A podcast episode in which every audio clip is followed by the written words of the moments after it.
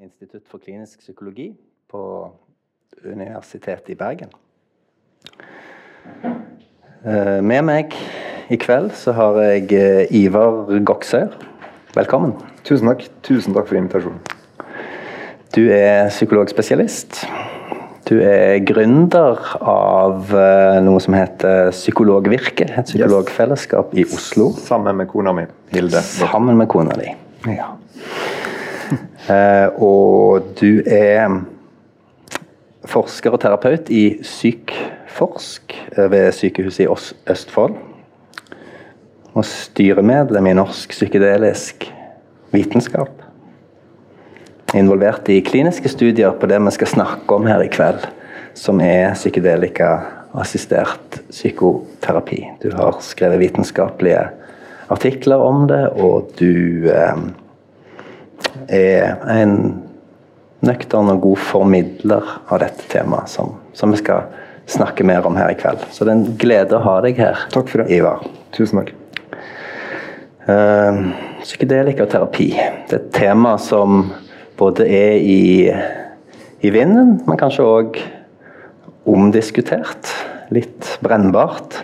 Og vi skal se om vi kan bli klokere på det her i kveld sammen med deg. Så for å begynne aller først Hva er det egentlig vi snakker om når vi snakker om psykedelika? Yes. Um, jo, man kunne jo prøve å si at hvis man har klassiske psykedelika på en måte midt under paraplyen psykedelika, så er jo det Psykedelika betyr jo egentlig bare sinnsåpenbarende, eller sinnsmanifesterende. Så det er stoff som tilgjengeliggjør ellers utilgjengelige prosesser i sinnet. Um, og De klassiske delika er jo noen syntetiske, som LSD, og så er det veldig mange naturlig forekommende i over 200 forskjellige sopparter rundt omkring i verden. Og forskjellige kaktuser og blad rundt omkring, og busker. Og, så det mest kjente er jo psilocybin, da, som finnes i fleinsopp, men også veldig mange andre magiske sopper, som man kaller det. Og så er det ayahuasca, DMT, som også er fra planteriket. Um, og så De klassiske psykedelika i midten av det landskapet liksom, som man alltid snakker om når man snakker om psykedelika, de har ikke så veldig spesifikke virkninger. Man kaller det uspesifikke forsterkere for indre liv. Så du kan få veldig veldig fine opplevelser og veldig veldig, veldig tøffe opplevelser. Så hele spekteret av det menneskelige opplevelsespotensialet kan liksom komme opp, da, tenker man seg. Og så har du eh, på den, liksom på den litt ut mot kanten av paraplyen, ketamin, som er et egentlig anestesimiddel. Uh, som man ofte ikke kaller psykedelika, men har det til felles med psykedelika at det også kan bringe opp ubevisste prosesser til bevissthet. Så det gir en kraftig endring av bevissthetstilstanden. Og det er noe som er verdt å nevne fordi det er et godkjent legemiddel, og det bruker man nå i større og større grad også for behandling av depresjon. Men det virker litt dissos, dissosiativt. Så på en måte, en måte, å si det på er at man bremser når kontrollmekanismene blir slått av, slik at ting kan flyte opp. Men så er man på en måte litt detached, så man kan observere forskjellige ting, traume og vanskeligheter, og fra en litt sånn nøytral posisjon der man egentlig ikke er helt til stede. Og Det kan være en hjelpsom åpning. I tillegg til at ketamin ser ut til å ha veldig, veldig sterke og raske antidepressive egenskaper rent sånn farmakologisk, som varer i en ukes tid, eller, men som for noen kan også vare lengre med gjentatt dosering. Så, ja. så det er en ganske sånn brei paraply ja. eh, som, som, betegner veldig mange forskjellige substanser eller stoffer som virker på, på, på sinnet eller på bevisstheten. ja, det er det som er felles. Veldig sterk psykoaktiv virkning og bringe opp materialet. Jeg vil også nevne at på den andre sida av paraplyen så har du MDMA. Som er det vi har kommet lengst på, eller forskninga internasjonalt har kommet lengst på, og som vi også har fullført et studie på nå i Moss. Og MDMA gir også tilgang til ubevisste uh, opplevelser og prosesser Eh, men det er det på en litt annen måte. Det blir også kalt et empatogen, fordi det har veldig sånn empatiske virkninger. Eller en taktogen, som betyr at det framskaffer en berøring innenfra. Um, så, så, MDMA uh, virker uh, det, det, er slik at du blir veldig sånn trygg i kropp og sinn. Og når du føler deg veldig trygg, så har ikke du noe du må sette opp av forsvar, og du kan ta inn det som måtte komme opp. Så det har en litt mer iboende angstdempende virkning. En litt mer tryggere reise. Det er færre som får veldig sterk angst eller, eller veldig vanskelige opplevelser. Mm. Mm. Ja. Og du er psykolog og er blitt interessert i hva disse midlene kan ha å tilby da, i, i, behandling. Så det skal vi tenker jeg, snakke litt, litt, mer om. Kanskje zoome inn på noen utvalgte av, av, av disse disse stoffene. Men, men, det er jo ting som har en ganske lang historie, dette her. Eh, hadde det gått an å si litt om, om det i et litt sånn fugleperspektiv? Ja, jeg tror det er litt interessant. Hvis man begynner å studere historien, så ser man jo bruk av psykedeliske planter i, i kulturer verden over. I kanskje uminnelige tider, i alle fall i tusenvis av år. Mm. Eh, slik at um, vårt forhold til psykedelika i dag er på en måte mer en historisk unntak. på en måte. Og Vårt bilde av psykedelika i dag er jo i stor grad forma av kanskje tidenes mest spektakulære eh, altså generasjonskollisjon på, den amerikanske, eller på de amerikanske kystene på 60-tallet. Mm. Og Det som var veldig forskjellig fra rituelt bruk i Amazonas og til og med i det gamle Hellas, er det sannsynliggjort at man brukte psykedeliske substanser i, i mysterietradisjoner som varte i tusenvis av år der, som Platon og mange av disse store gutta og de gamle grekerne som vi skylder såpass mye av vår sivilisasjon til, um, faktisk har benytta seg av. Men, men, det som har vært felles, alltid vært at det har vært veldig sånn nøye orkestrerte ritual. En, en veldig sånn safe container der du har en, en stamme eller en, en, en, gruppe mennesker som da um, har mye erfaring, og der de unge blir innvia av de eldre. Og da, Det som skjer da, er jo at de unge liksom, med å få den psykedeliske opplevelsen og tre inn i litt andre eksistensdimensjoner, får jo bekrefta og forstår dypere alt det kulturen deres har spilt på og prøvd å fortelle dem. Mens i USA eh, på 60-tallet så skjedde jo egentlig det stikk motsatte. At det for første gang ble psykedelika brukt som et innvielsesritual av unge voksne. For unge voksne. Og, det, eh, og den rituelle beholderen med tradisjonell bruk som sikrer på en måte en å maksimere mulighetene for positive utkommer og, og minimere sjansene for at det skal gå galt, den forsvant, fløyt ut. Og det førte også med seg en del uheldige konsekvenser, selvfølgelig. Så jeg tror det det lærer oss også at når man snakker om risiko, og alt sånt, så er det, det er vanskelig å snakke om at ting er farlig i seg sjøl. Altså er en kniv farlig, eller er en bil farlig? Så jeg tror man må på en måte tenke litt på samme måte. Altså det handler ikke om Disse molekylene er verdinøytrale, på en måte. Og det handler alt om hvordan man bruker det, med hvilken intensjon, i hvilken setting, på hvilken måte. Som med alle andre også legemiddel, så er det også dosesensitive. De fleste legemidler er dødelige hvis du tar for mye av dem, mm. eller skadelige for kroppen. Så. Mm. Men de var, disse stoffene var lovlige, og de kunne forskes på. Uh, og det ble gjort en god del uh, studier på de da på 50- og, ja. og 60-tallet. Så det ble det. Og, og, um, noe av det som er litt av kritikken som kommer opp i dag, er at men har ikke vi allerede vært her og sett, og hvis det hadde vært noe her å finne av verdi, så hadde vi vel hatt det nå. Så det er en litt lang historie. Jeg vet ikke hvor mye av det du vil høre, men, men jeg kan begynne med å si at fram til 1962 så skjedde det, eller i 1962 så skjedde det, det var da det her randomiserte, kontrollerte forsøket ble gjort til en sånn gullstandard i eh, legemiddelgodkjenningsøyemed. Mm.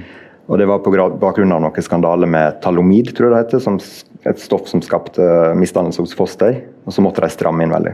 Så Forskninga som var gjort frem, til 62, fulgte ikke disse strengeste prosedyrene, var irrelevante i legemiddeløyemed.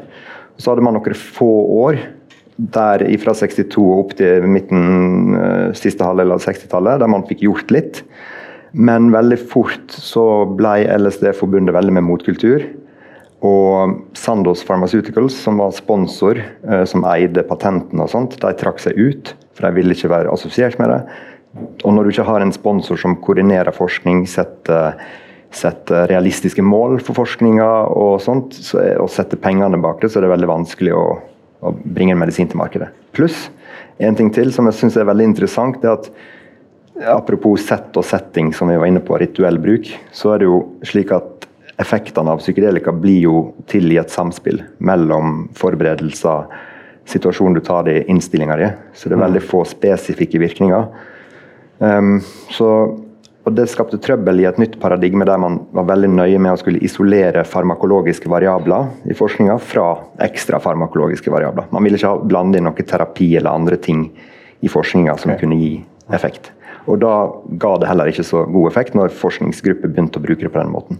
Så De som hadde en tradisjon for å bruke psykedelika i behandling, de skjønte jo at med et sånt paradigme der du ikke forbereder folk, der du ikke får eh, nok støtte underveis, og heller ikke nok eh, samtale i etterkant til å forstå og integrere opplevelsene, så forventer ikke man en quick fix eller at dette skal gi noe i seg sjøl. Så, så, alt det var med på å gjøre at forskninga døde ut. Etter hvert så ble det helt umulig å få funding og det ble karriereselvmord å gå inn i feltet mm. pga.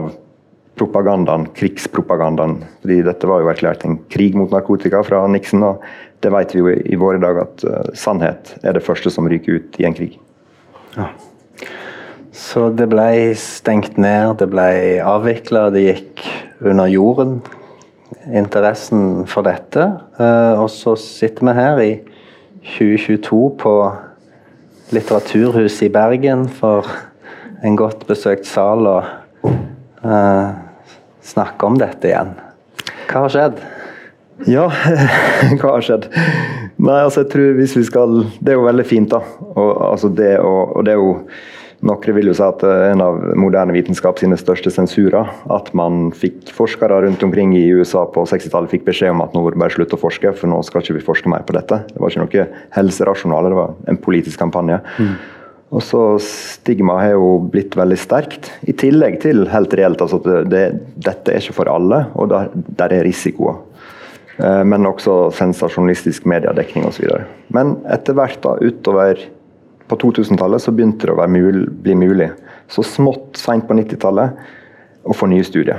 Og der er det I 2006 så er det en, en, en, virkelig viktig studie som kanskje setter i gang for alvor markerer den andre æraen av psykedelisk forskning. og det, det, er en studie på Johns Hopkins der jeg ga psilocybin til friske frivillige.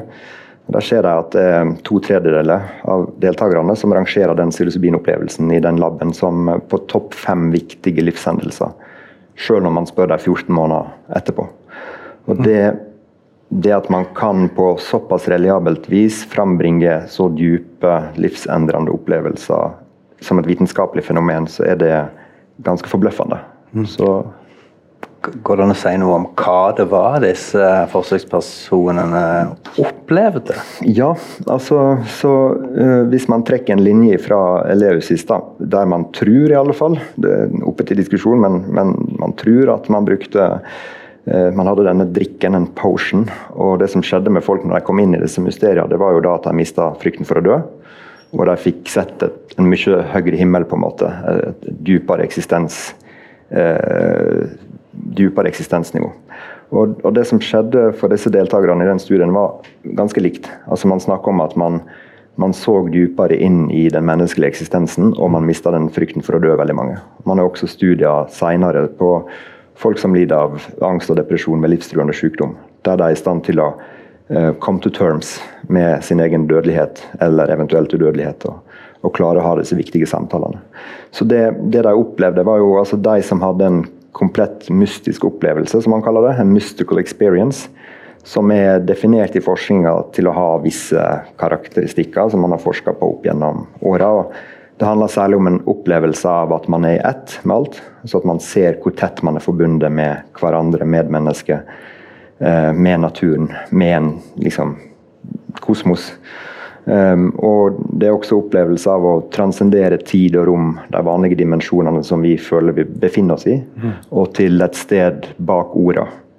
Og bak dette teateret her, på en måte, som føles evig og sant, og der det er en, en sånn spesiell bevissthetskvalitet og en spesiell kjærlighetskvalitet. Og, og Det som er interessant med de opplevelsene, er at teologer og alt sånt har sett på det, og man har ikke klart å skille disse opplevelsene som oppstår i laboratoriet ved bruk av psilocybin, med eh, profetenes åpenbaringer.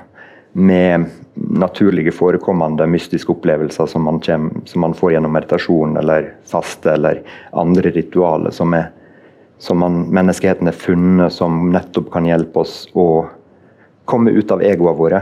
Mm. Som vi holder på veldig mye med å være veldig mye i det menneskelige og i den faste tenkninga vår og liksom få utvida perspektivet. At vi er kanskje ikke senter i universet. Og der er mange spennende mysterier der ute. Ja. Så ganske dyptgripende ting som skjer i opplevelsen av både seg sjøl og eh, plassen som en har i, i helheten, eller i verden, da. Eksakt. Når du tar disse stoffene i den rette settingen. Vel å merke, vel å merke i den rette settingen. Ja, så er spørsmålet sant, når en har en type stoffutløst innsikt sant? Ja, Man kan ha erfaringer med alle slags type ting, sant? men det er ikke sikkert det varer ved på, på tirsdag eller onsdag. ikke sant? Så hva med det når det gjelder studiene på psilocybin? Jo, det er nok sånn at uh, altså der, der, har man Forskninga viser at altså sånn, det, denne studien var jo 14 måneder etterpå, så er det fortsatt to tredjedeler som rangerer det som på topp fem viktige livshendelser. Så ja. Det ser ut som det har langvarige effekter, iallfall sånn subjektivt opplevd. Mm. Og så har man litt komparentopplysninger som støtter opp under at liksom, partneren syns at det fortsatt er noen endringer der. og sånn det er jo et godt mål. Ja, det er et godt ja. mål, ja. Det er det beste målet. det vet vi jo alt om. Men um, også er det noen depresjonsstudier og sånt som også viser vedvarende endringer. Altså Mange studier viser at det er vedvarende endringer etter én sånn høydepunktsopplevelse. Men det er også studier, altså for det første så er det jo ikke sånn at hver gang man tar psilocybin i en lab, så får man disse peak-opplevelsene. Um, så hvor mye man får ut av det, hvor mye depresjonssymptomer går ned, og hvor viktig det blir, ser ut til å korrelere bl.a. med denne mystiske peak-opplevelsen. Og det å komme helt gjennom dit, da må man gjerne gjennom en del lag av frykt. der man liksom mm. Men når det er sagt, så er det jo også en, en kritikk. altså at Det er jo det å liksom bare få en sånn uh, hva si, en heis, ikke heisatur kanskje, men en heistur opp til toppen av fjellet, liksom. Mm. Og så går stoffet ut og sånt, så befinner du havner du jo Du er jo fortsatt nede i krattet der, mm. på en måte. Men da har du kanskje da fått en, eh, en oversikt. At du, du, ser hva som kan være mulig, og du har fått litt større idé om hva du befinner deg, hva du har lagt bak deg, og litt veien videre. Og ikke minst at du har en annen motivasjon til å kunne f.eks. ta opp eller, eller styrke en daglig praksis, om det er yoga eller meditasjon, eller om det er andre ting som er bra for deg. Mm. Så, så, det er klart at det er ikke den tanken om at liksom sånn, gi folk én høydepunktsopplevelse, og så er det gjort, liksom, den er ikke jeg så veldig fan av. Altså, vi har veldig veldig mange lag av, i oss av forskjellige sår, selvbeskyttelse, individuelle sår, kollektive sår. Kulturen betinger oss inn i rammer, og, og, alt dette ligger her. Og Det er jo en stor diskusjon, da, liksom sånn forholdet mellom det å liksom sånn, eh, ja, nå disse toppene og jobbe i det daglige. og De fleste som har opplevd toppene, vil jo si at ja takk, begge deler. og At, at mm. begge deler er den mest optimale kombinasjonen, der du kan få det, det, blikket, men at du samtidig må jobbe deg gjennom lagene på et eller annet tidspunkt. Men du kan det kan hjelpe deg på veien. da. Mm. Ja, det er spennende. for åpenbart fra, fra kulturen vår at denne type erfaringer er viktige. og på en måte Religioner har blitt fundert på det, og omveltning har skjedd i folk sine liv. Men de er jo veldig sjeldne, og de er vanskelig å fange. Så det er noe fascinerende med at hm, kan, kanskje dette da faktisk kan gå an å studere i et laboratorium. Det var Maslow, Abraham Maslow, som er jo en kjent skikkelse i psykologifaget. han han var jo veldig opptatt av akkurat det. At liksom disse her uh, åndelige erfaringene, om man skal kalle det det, er egentlig ikke overnaturlige. Det er, det er, en del av den vanlige mann og kvinnes høyere potensial. Det er liksom, Man trenger ikke om å uh, legge inn noe overnaturlig, det er bare en opplevelseskvalitet som gir tilgang på. Og det at man kan frambringe de opplevelsene nokså reliabelt, gjør også at man kan studere dem vitenskapelig. Så mm. det er en spennende grein. Så vil jeg også bare skyte inn nå når jeg snakker om en del av disse her beste studiene, på en måte, så er det også andre studier som kommer nå med psilocybin, særlig mot depresjon, som viser mindre overbevisende resultat på depresjonsscore. Mm. Så er spørsmålet hvorfor. Man begynner å skalere opp litt. Man begynner kanskje å ikke sant, Det er mange ting som virker veldig bra til å begynne med når det er friskt og nytt og det er veldig dedikerte fagfolk. og så vannes det litt ut og sånt. Og så, så, det er jo også en viktig nyanse å ha med. altså Det var jo én studie nå som, ehm, som, så på vanlige antidepressiva pluss grundig terapi. Sammenligna det med psilocybin pluss masse grundig terapi, samme terapien. Og Der fant ikke man statistisk signifikante forskjeller på gruppenivå på det hovedutfallsmålet. Um, og selv om de fant at psilocybin gjorde kanskje rundt dobbelt så bra på veldig veldig mange andre sånn sekundære mål, så er det likevel litt sånn grunn til kaldt vann i årene. Og jeg tror også at det, det snakker litt om at det er krevende å utløse det fulle potensialet. At det er ganske krevende. At det ikke bare bare, liksom. Så jeg tror det blir feil å bruke de resultatene for å liksom sånn avskrive at ja, men dette bare, det virker like bra som antidepressiva, ferdig med det. Det vil være en litt rar sammenligning når man ser på uh, en del av de transformative erfaringene som, som enkeltpersoner har, og som det ser ut som ganske mange kan ha i en gruppe hvis man klarer å optimalisere settingen. Mm. Skal vi se kanskje på det som vi vet mest om, eller ut fra forskningen, stemmer det at det er MDMA-assistert behandling? Jeg vil, jeg vil, altså Ketamin er jo der uh, forskninga har kommet lengst. Ja. Der, der, er det jo sånn at uh, selv etablerte størrelser som Jørgen Bramnes alle sa jo at nå har den kanskje kommet langt nok til at vi heller bør tenke implementering. Noe som også har begynt å skje i Moss, og som jeg håper vil skje i større grad rundt omkring. Så, men med unntak av det, som på en måte er litt på sida av kategorien psykedelika, mm. så er det MDMA som, som har kommet lengst. Ja. ja. For jeg lurte på om du kunne gi oss et bilde av hvordan psykedelika-assistert behandling faktisk foregår. Ja. Om du kunne tatt oss med inn i et behandlingsforløp, og da ja, yes. kanskje med MDMA mm. som, som, som, middel, da. Så, så bare si litt, så vi kan få et inntrykk. Mm. Jo, vi har jo nettopp gått gjennom denne første norske studien noensinne i, i Moss. Og, så det begynner jo med en, først er det jo en, en grundig screening. Og Det er også greit å si at i disse studiene så er folk screena. Altså det betyr at for hvis det er forskjellige psykoselidelser eller sånt i nær familie, så får ikke de være med. Så sikkerhetsdata, som ser veldig bra ut, er jo på en screena, et screena utvalg. Eller. Men um, og Så begynner en fase, en forberedelsesfase etter at de har tilfredsstilt kriterier for å være med i studien. Så forbereder vi dem på første sesjon. og Da har vi tre 90 minutts eh, sesjoner. Vi er mann og kvinne, terapeutpar, som møter klienten. Og Det som er formålet med, med den forberedelsesfasen, det er først og fremst å bygge tillit. Så bygge interpersonlig tillit, men også begynne det arbeidet med å bygge en intrapsykisk tillit, altså tillit til seg sjøl. Um, og det gjør vi egentlig med å prøve å bare være så ærlige og genuine og autentiske som vi bare klarer. Um, og også fortelle Forberede deg på liksom sånn hvordan virkninger kan være, og litt sånn flight instructions. Hvordan kan man navigere? Tips og råd og vink underveis, på en måte. Så når um, vi er ferdig med de sesjonene der, og vi blir litt kjent, så vi vet litt hva det går i, men først og fremst bygger tillit i flight instructions, så er det behandlingsdag. Og Da er det en dagslang sesjon. Så vi har et rom som er veldig fint innreda. Så har vi uh, en seng som vedkommende klient kan ligge i eller sitte i. Og så har vi musikk med hodetelefoner, som også går ut i rommet. Og bind for øynene. Så klienten da veksler mellom introspeksjon, der vedkommende ofte legger seg ned eller sitter, og reiser bare innover med bind for øynene og musikk på øret. Og så er det interaksjon og deling og snakk med terapeutene. Og ofte er det en sånn 50-50. Og for oss, jeg kan jo si det, altså I psykisk helsevern i dag så er det jo det er tøft. ikke sant? Og selv om vi, vi gjør veldig mye bra, og det er veldig mange bra metoder, og alt sånt, så er det også Vi snakker kanskje litt lite om altså, hvor ille til mote vi også føler oss uh, når vi ser og er i kontakt med de vi ikke klarer å hjelpe. Og på en måte så er det sånn at Til bare du klarer å hjelpe noen, og du ser liksom verdien av det, så nesten til vondere blir det å liksom bevitne og kjenne på alle de du fortsatt ikke klarer å nå. Og, sånn.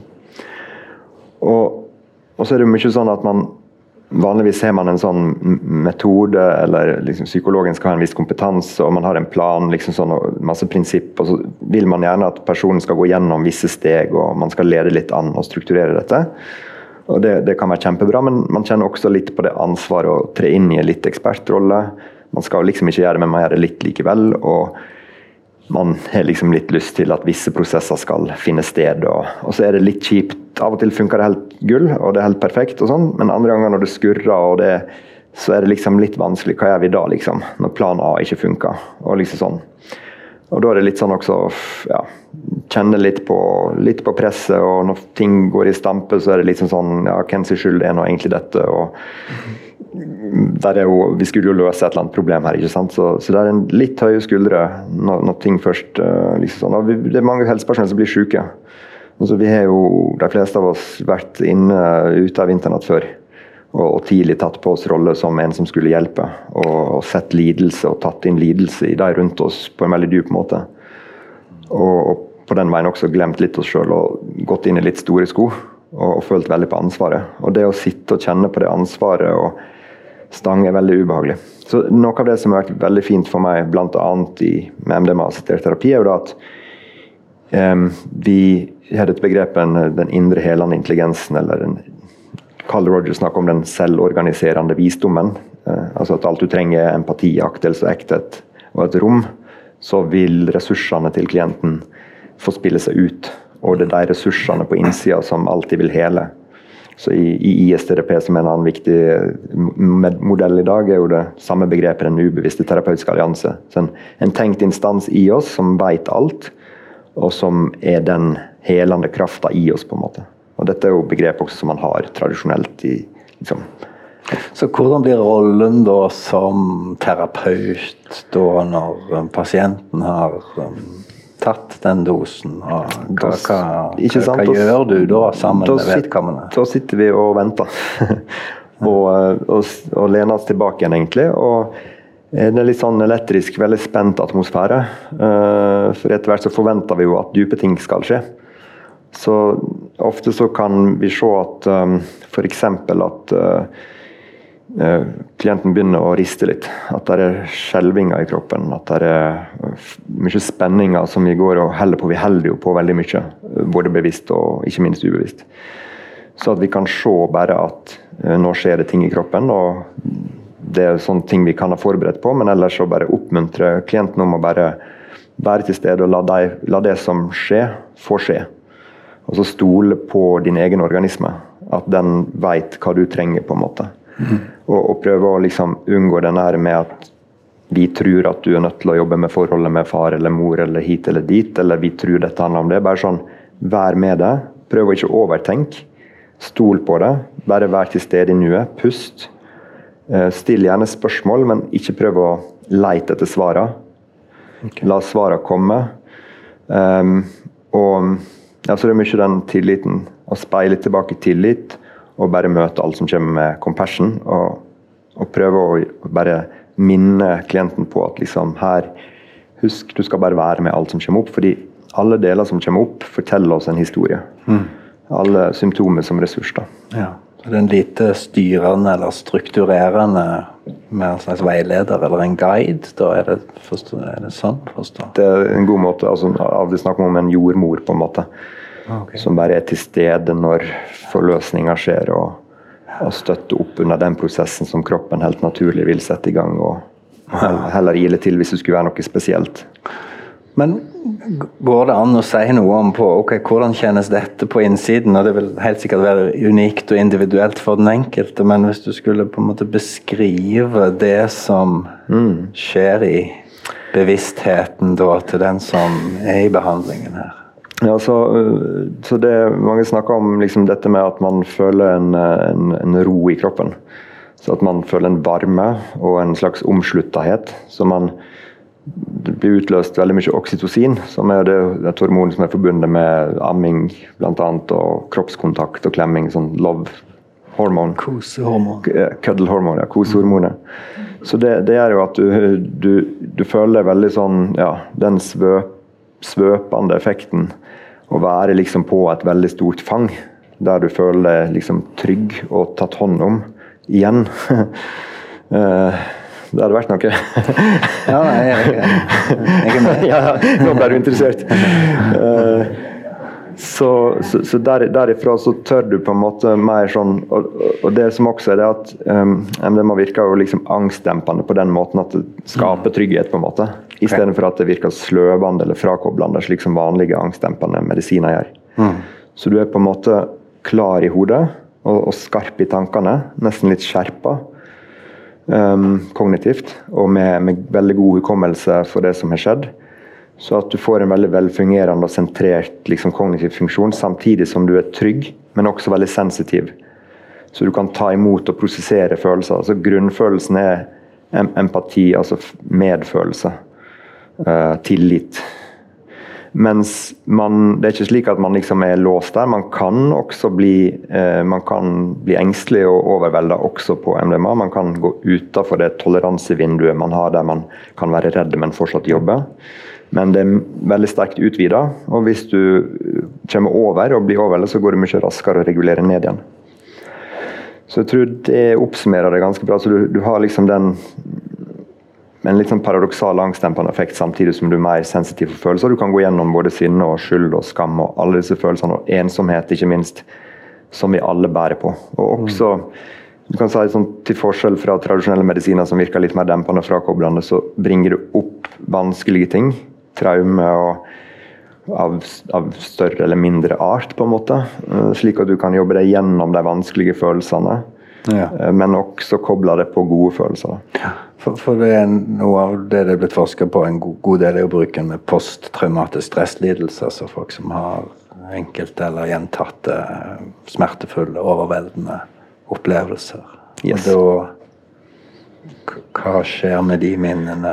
Så det du kan si er at Ofte så ser det vi ser at sant, når det som er vanskelig i traumebehandling, selv om det er veldig mange veldig, veldig gode traumebehandlingsmetoder som virker veldig bra for mange, så er det likevel en krevende behandling. Det er mange som dropper ut. Og det å skulle gå inn igjen og Man må liksom inn i traume og gjenoppleve og prosessere det for å legge det bak seg, integrere det. Mm. Um, og da er det liksom Traume er jo per definisjon noe som er uutholdelig.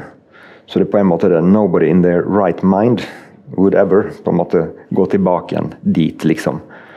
Det krever iallfall ganske mye trygghet og tillit, både i rommet og innover, på at dette ikke bare vil gjøre vondt verre. Og slik er det. ikke sant? Har, de sårene vi har med oss, også de mindre dramatiske, vi er veldig redde for at de skal begynne å blø igjen, eller at, at bli retraumatisert eller trigga. Har, har, du hatt kjærlighetssorg ordentlig en gang, så er du veldig redd for å liksom, involvere det igjen. på en måte. Så, men, men det vi ser, det er at det at disse traumer som finnes på et bevisst plan, som er knytta til hendelser senere i livet, at uh, på medisinen så er det mulig å gå inn og bare se veldig sånn rett på uh, erfaringene. Ofte kan det være ganske sånn stillferdige, rolige eksponeringserfaringer, der du ikke er sånn veldig veldig, veldig redd, og at det er bare så vidt du klarer det, men du kommer deg gjennom det og ut på andre sida. At det er mer en sånn rolig, fin, organisk prosess der du ser veldig tydelig Eh, både liksom hva som faktisk skjedde, og når du går tilbake dit, så, ha, så legger du jo plutselig merke til andre ting, ikke sant? som ofte er formildende omstendigheter. For man tar jo ofte masse skyld og skam etter traume. Og så ser man liksom kontekstuelle ting som gjør det kanskje lettere å bære, og informasjonsbiter som forandrer hele eh, totaliteten i opplevelsen. Mm. Og så ser vi også at kroppen kan arbeide med uavslutta reaksjoner, bevegelser at man får ut sinne, f.eks., eller at man klarer å få opp en beskyttende hånd når en stein kom og traff deg i hodet, liksom. Mm. Som du liksom prøvde på, men du ble fryst, og du fikk stein i hodet før du rakk det. og sånn. Så, så, det er både en sånn Det gjør noe med narrativet ofte, og du får det opp gjennom kroppen. Sånn bottom up-prosesser istedenfor tenkning og sånn systematisering derifra, så kommer det ofte fra kropp og opp, liksom. Um, og um, så ser vi også at mange av de, de enkeltstående bevisste traumene de legger seg ganske fort, altså symptomer. Men når du først har fått en såpass dyp åpning av psyken, inntil denne her veldig sånn selvhelende egentlig området i psyken, så virker det som at det er en, et veldig drag mot å gå dypere hele tida. Så da, da, kommer tidligere og tidligere erfaringer. Eh, så en, en, en, eh, historie jeg fortalte om før, det var jo en som beskrev livet sitt som å være, stå midtskips på en broa på et skip i piskende storm og regn, uten å se eller høre ørens lyd, ufrivillig fastankra i bånn uten navigasjonsevne. Mm. Samme hva du gjør, så går det ingen veier. Mens MD-mannen var som å stige ned en dykkerklokke i den perfekte stillheten under vann. Der du plutselig kunne se klart ut. Og så kunne han la seg synke nedover liksom, livshistorien symbolisert gjennom ankerkjettingen, og se liksom sånn de ulike fra traumene og seinere i livet til liksom sånne i tilknytningsmønstre og sånn som kanskje lå til grunn for en type skjevutvikling okay. fra veldig tidlig av. Ja. ja. Ja, for noe, Det vi på en måte etter hvert ser med psykisk lidelse, er jo gjerne at det er noen fellesnevner, eller sånt, litt sånn uavhengig av hva slags merkelapp som, eller diagnose en, en setter på det. Og det som blir tydeligere, med mitt inntrykk i forskning etter hvert og behandling òg, at det er noe noe der med hvordan er det vi møter, eller hvordan er det vi forholder oss til opplevelsene våre eller følelsene våre. Sant?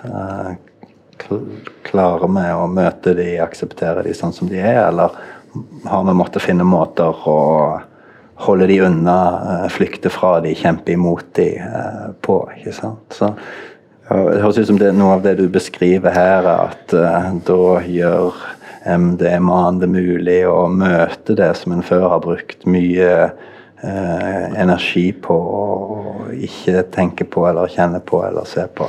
Ja, Det er akkurat det. og Det, det ser vi bare tydel, veldig veldig tydelig på den medisinen. og det, det, er selvfølgelig ikke for å pirke litt MDMA-en som gjør det, men det er MDMA-en i den settingen eh, mm. som gjør at det er nok tillit og medfølelse til å kunne gå inn i sannhet mm. og tørre å gi slipp.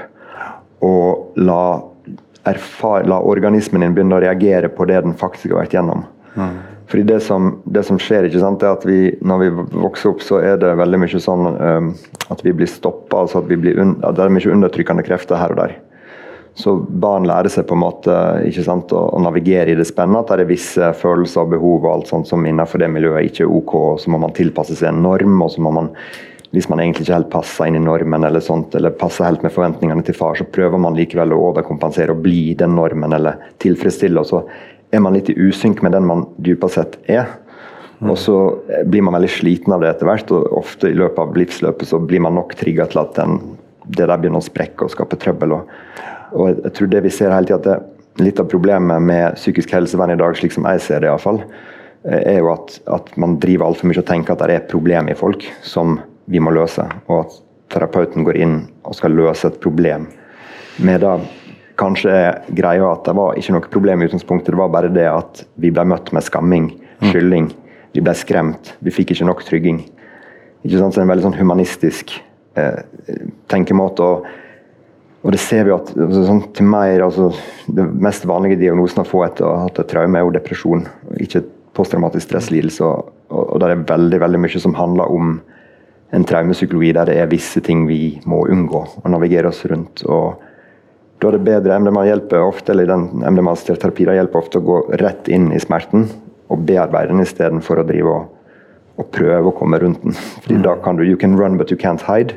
Så det kommer alltid til en stor pris. og jeg tror Det, det er et veldig viktig perspektiv. Altså at, og det vil jeg si når jeg først altså det at man kan si at Når man sammenligner MDMA-assistert terapi med andre behandlingsmetoder, så ser det ut til å fungere omtrent like bra på gruppenivå som det beste av det vi allerede har.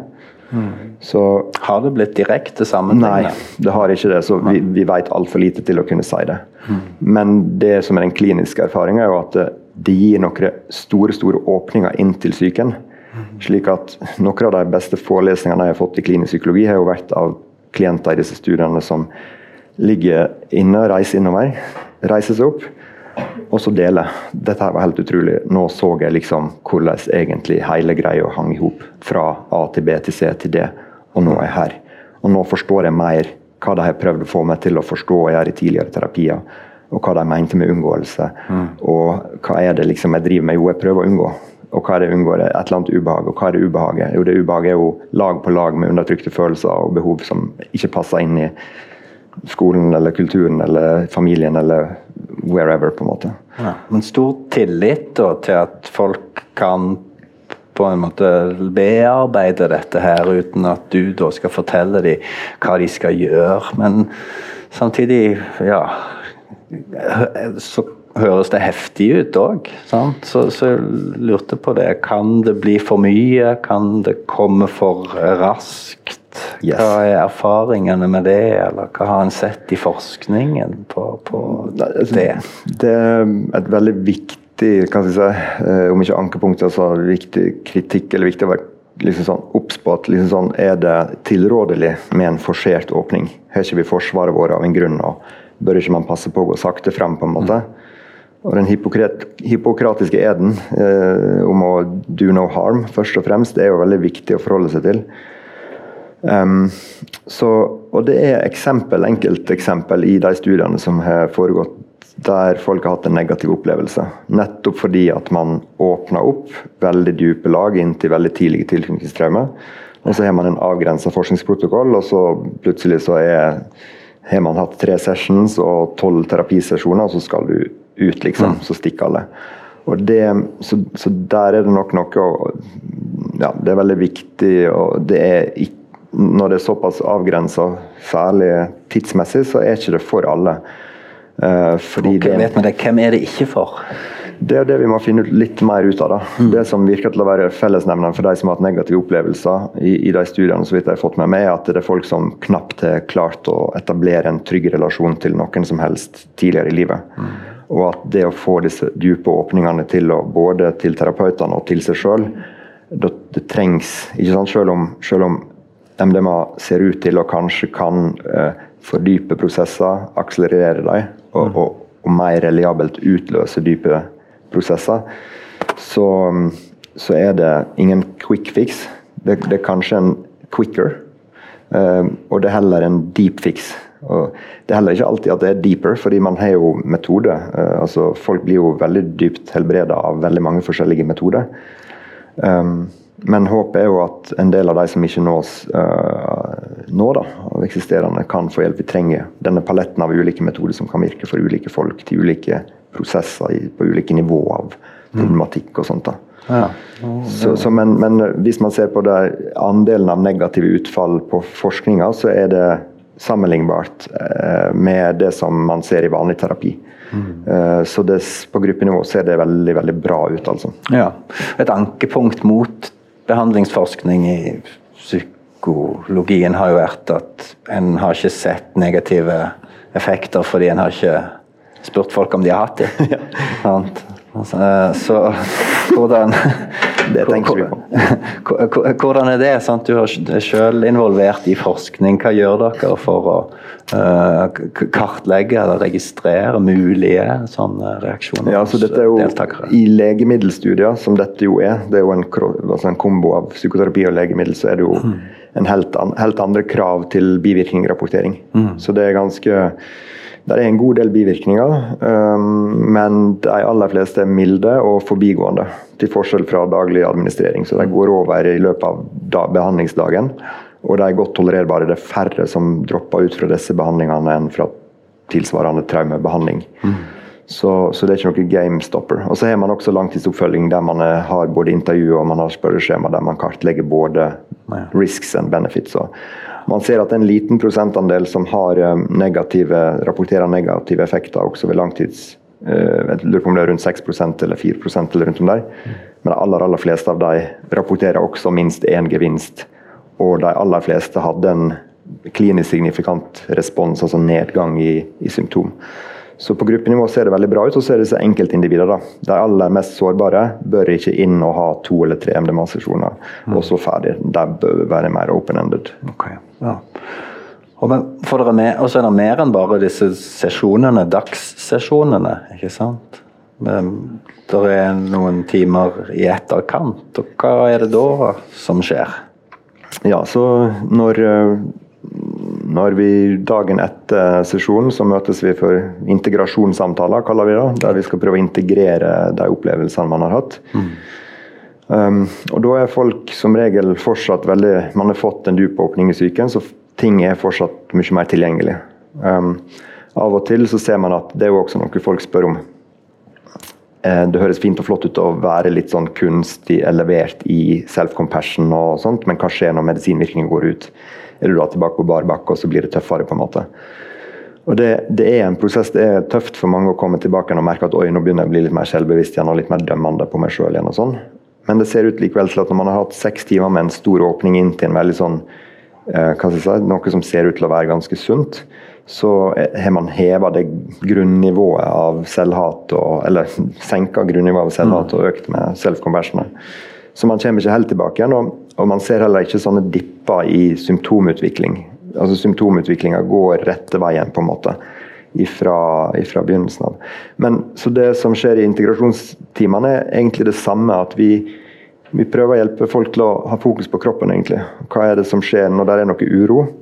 så er det et tegn på at det er et eller annet kroppen trenger å, å bearbeide. Altså det er en reaksjon. Og så er det det her med kan, du, kan vi bare ha nok tillit til å ikke drive og liksom dømme det som skjer her. At det er sikkert ingenting, eller det er sikkert for mye, eller jeg burde sikkert ikke ha det. Ikke prøve å lage for mange teorier om det. Hvis det kommer en innsikt, så kommer den veldig sånn poff. Eh, det å tenke seg fram, analysere seg fram til ting, er ofte ikke det som gjør den store forskjellen for folk. Så vi prøver egentlig å fortsette å la folk um, for all del engasjere seg også intellektuelt og kognitivt med erfaringene og dele og spille ball. og det er også sånn, men, men fortsette å prøve å ha tillit til kroppen og tillit til at det du trenger å få øye på, det vil systemet ditt bringe opp. fordi på samme måte som en lege ikke leger et sår, at kroppen setter i gang med så lenge legen kan fjerne noen hindringer for at kroppen kan gjøre sårgroing. Altså, sånn ser det ut til å være med psyken også. At vi er, Der er et prinsipp om homeostase i oss. ikke sant? Og liksom naturen altså vill dyr, det ser vi som er utsatt for traume i tigerens gap og sånt, de ligger og rister og får det ut, liksom. Mm. Og barn i bomberom sitter og rister, mens voksne i de samme bomberommene har lært seg å undertrykke disse naturlige responsene fordi de ikke er kulturelt akseptert, eller, eller fordi man bare har klart fått så mange overbygninger. Ja, ja så så liksom terapeuten er Er det to terapeuter hele tiden med? Mm. Alle, ja. Og det en har vært opptatt av sånn òg ellers i psykoterapiforskning i den senere tid, er jo nettopp terapeuten som person og eh, effekten som den kan ha. Mm. Um, forskningen tyder jo på at hvem du er som person, kontakten du kan tilby, hvordan du kan være sammen med en, en uh, klient. Uh, forklarer mer enn metoden. Det er vel òg forskning som viser at du faktisk heller vil ha en placebo eller en narrepille av en varm og vennlig psykiater enn et virksomt medikament av en som ikke er varm og vennlig. Ikke sant? Så hvordan spiller det inn her? Ikke sant? Du har holdt på å si, medikamentet, det som settes i gang i hjernen, og så har du det altså, relasjonelle, dette møtet, alt som skjer rundt. Hva tenker, tenker du om på en måte vektingen altså, av disse Først så vil jeg bare si at liksom, Det som psykoterapiforskninga først og fremst viser, er jo at klientvariablene er de viktigste uh, for utfall. Og det rimer jo med den ideen om at det handler om å skape betingelser der ressursene som finnes der, kan få lov å komme opp. Der man kan gjenoppbygge tillit og gå fra mistillit til eget sinn til tillit. For i denne kulturen har vi utvikla en dyp mistillit til oss sjøl. Vi utnevner eksperter som skal vite de helt basic ting om oss. Vi mister kontakt med intuisjon osv. Men tilbake til spørsmålet, så, så, tror jeg der har man lite forskning på Det er veldig veldig mange ting man må finne ut. Man har ikke sett på så mange variabler, så det, det er bare å hive seg på. Mm. skulle jeg si. Og der er veldig veldig mange ubesvarte spørsmål annet her. Um, så, men, men um, så jeg håper selvfølgelig også Vi håper jo hele tida på mer funding og at flere fagfolk skal engasjere seg. og Der, der er så mange ting vi må finne ut av, annet det her. Da. Men min sens er at det viktigste er å ha en person der som, som ikke kommer i veien, uh, og som, som, tåler, som kan ta imot, som ikke blir redd sjøl. Mm. Og Det høres jo lett ut, men det er ikke så lett hvis, fordi det som skjer i mange av disse timene, er at det er veldig veldig dype uttrykk for altså sånne uraktige følelsesuttrykk. Altså undertrykt uh, smerte knytta til grunnleggende ensomhet fra tidlige barneår, der folk husker hvordan det var å ligge i sengene sine alene uten noe som kunne støtte dem. Og, og lure på å finne et eller annet å gripe. Hvordan skal jeg klare å være i mitt eget selskap eller i mitt eget sinn? Hvordan skal jeg holde ut etter? Hvordan skal jeg navigere det? Og Det er noe som setter også våre som terapeuter sinnet våre i veldig dyp bevegelse. Jeg tror vi husker litt av det samme i oss sjøl. Um, så det er veldig fort gjort hvis man som terapeut ikke tåler å stå i det trøkket, og, og begynner å komme inn og dempe og liksom ja. navigere ubevisst rundt det. Så Trenger en å ha erfaring med disse substansene sjøl for å være en virksom terapeut, tror du?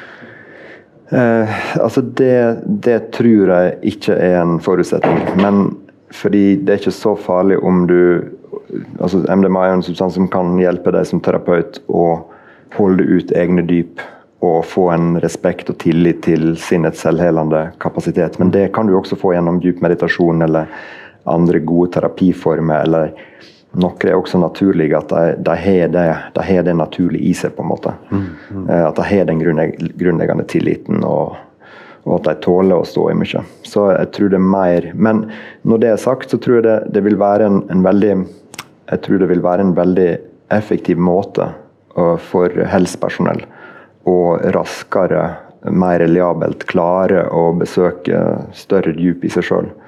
Og, og, det er litt En av de tingene som jeg tenker mest på, er jo det her med hva skal vi gjøre, hvordan kan vi forbedre liksom, tilbudet til mange og få masse impact. så er det mye snakk om implementering av virksomme metoder, som jeg tror er kjempeviktig. Det er også snakk om mer ressurser og det å kunne møte folk ikke bare 45 minutter, men ha lengre strekk, mer intensive opplegg.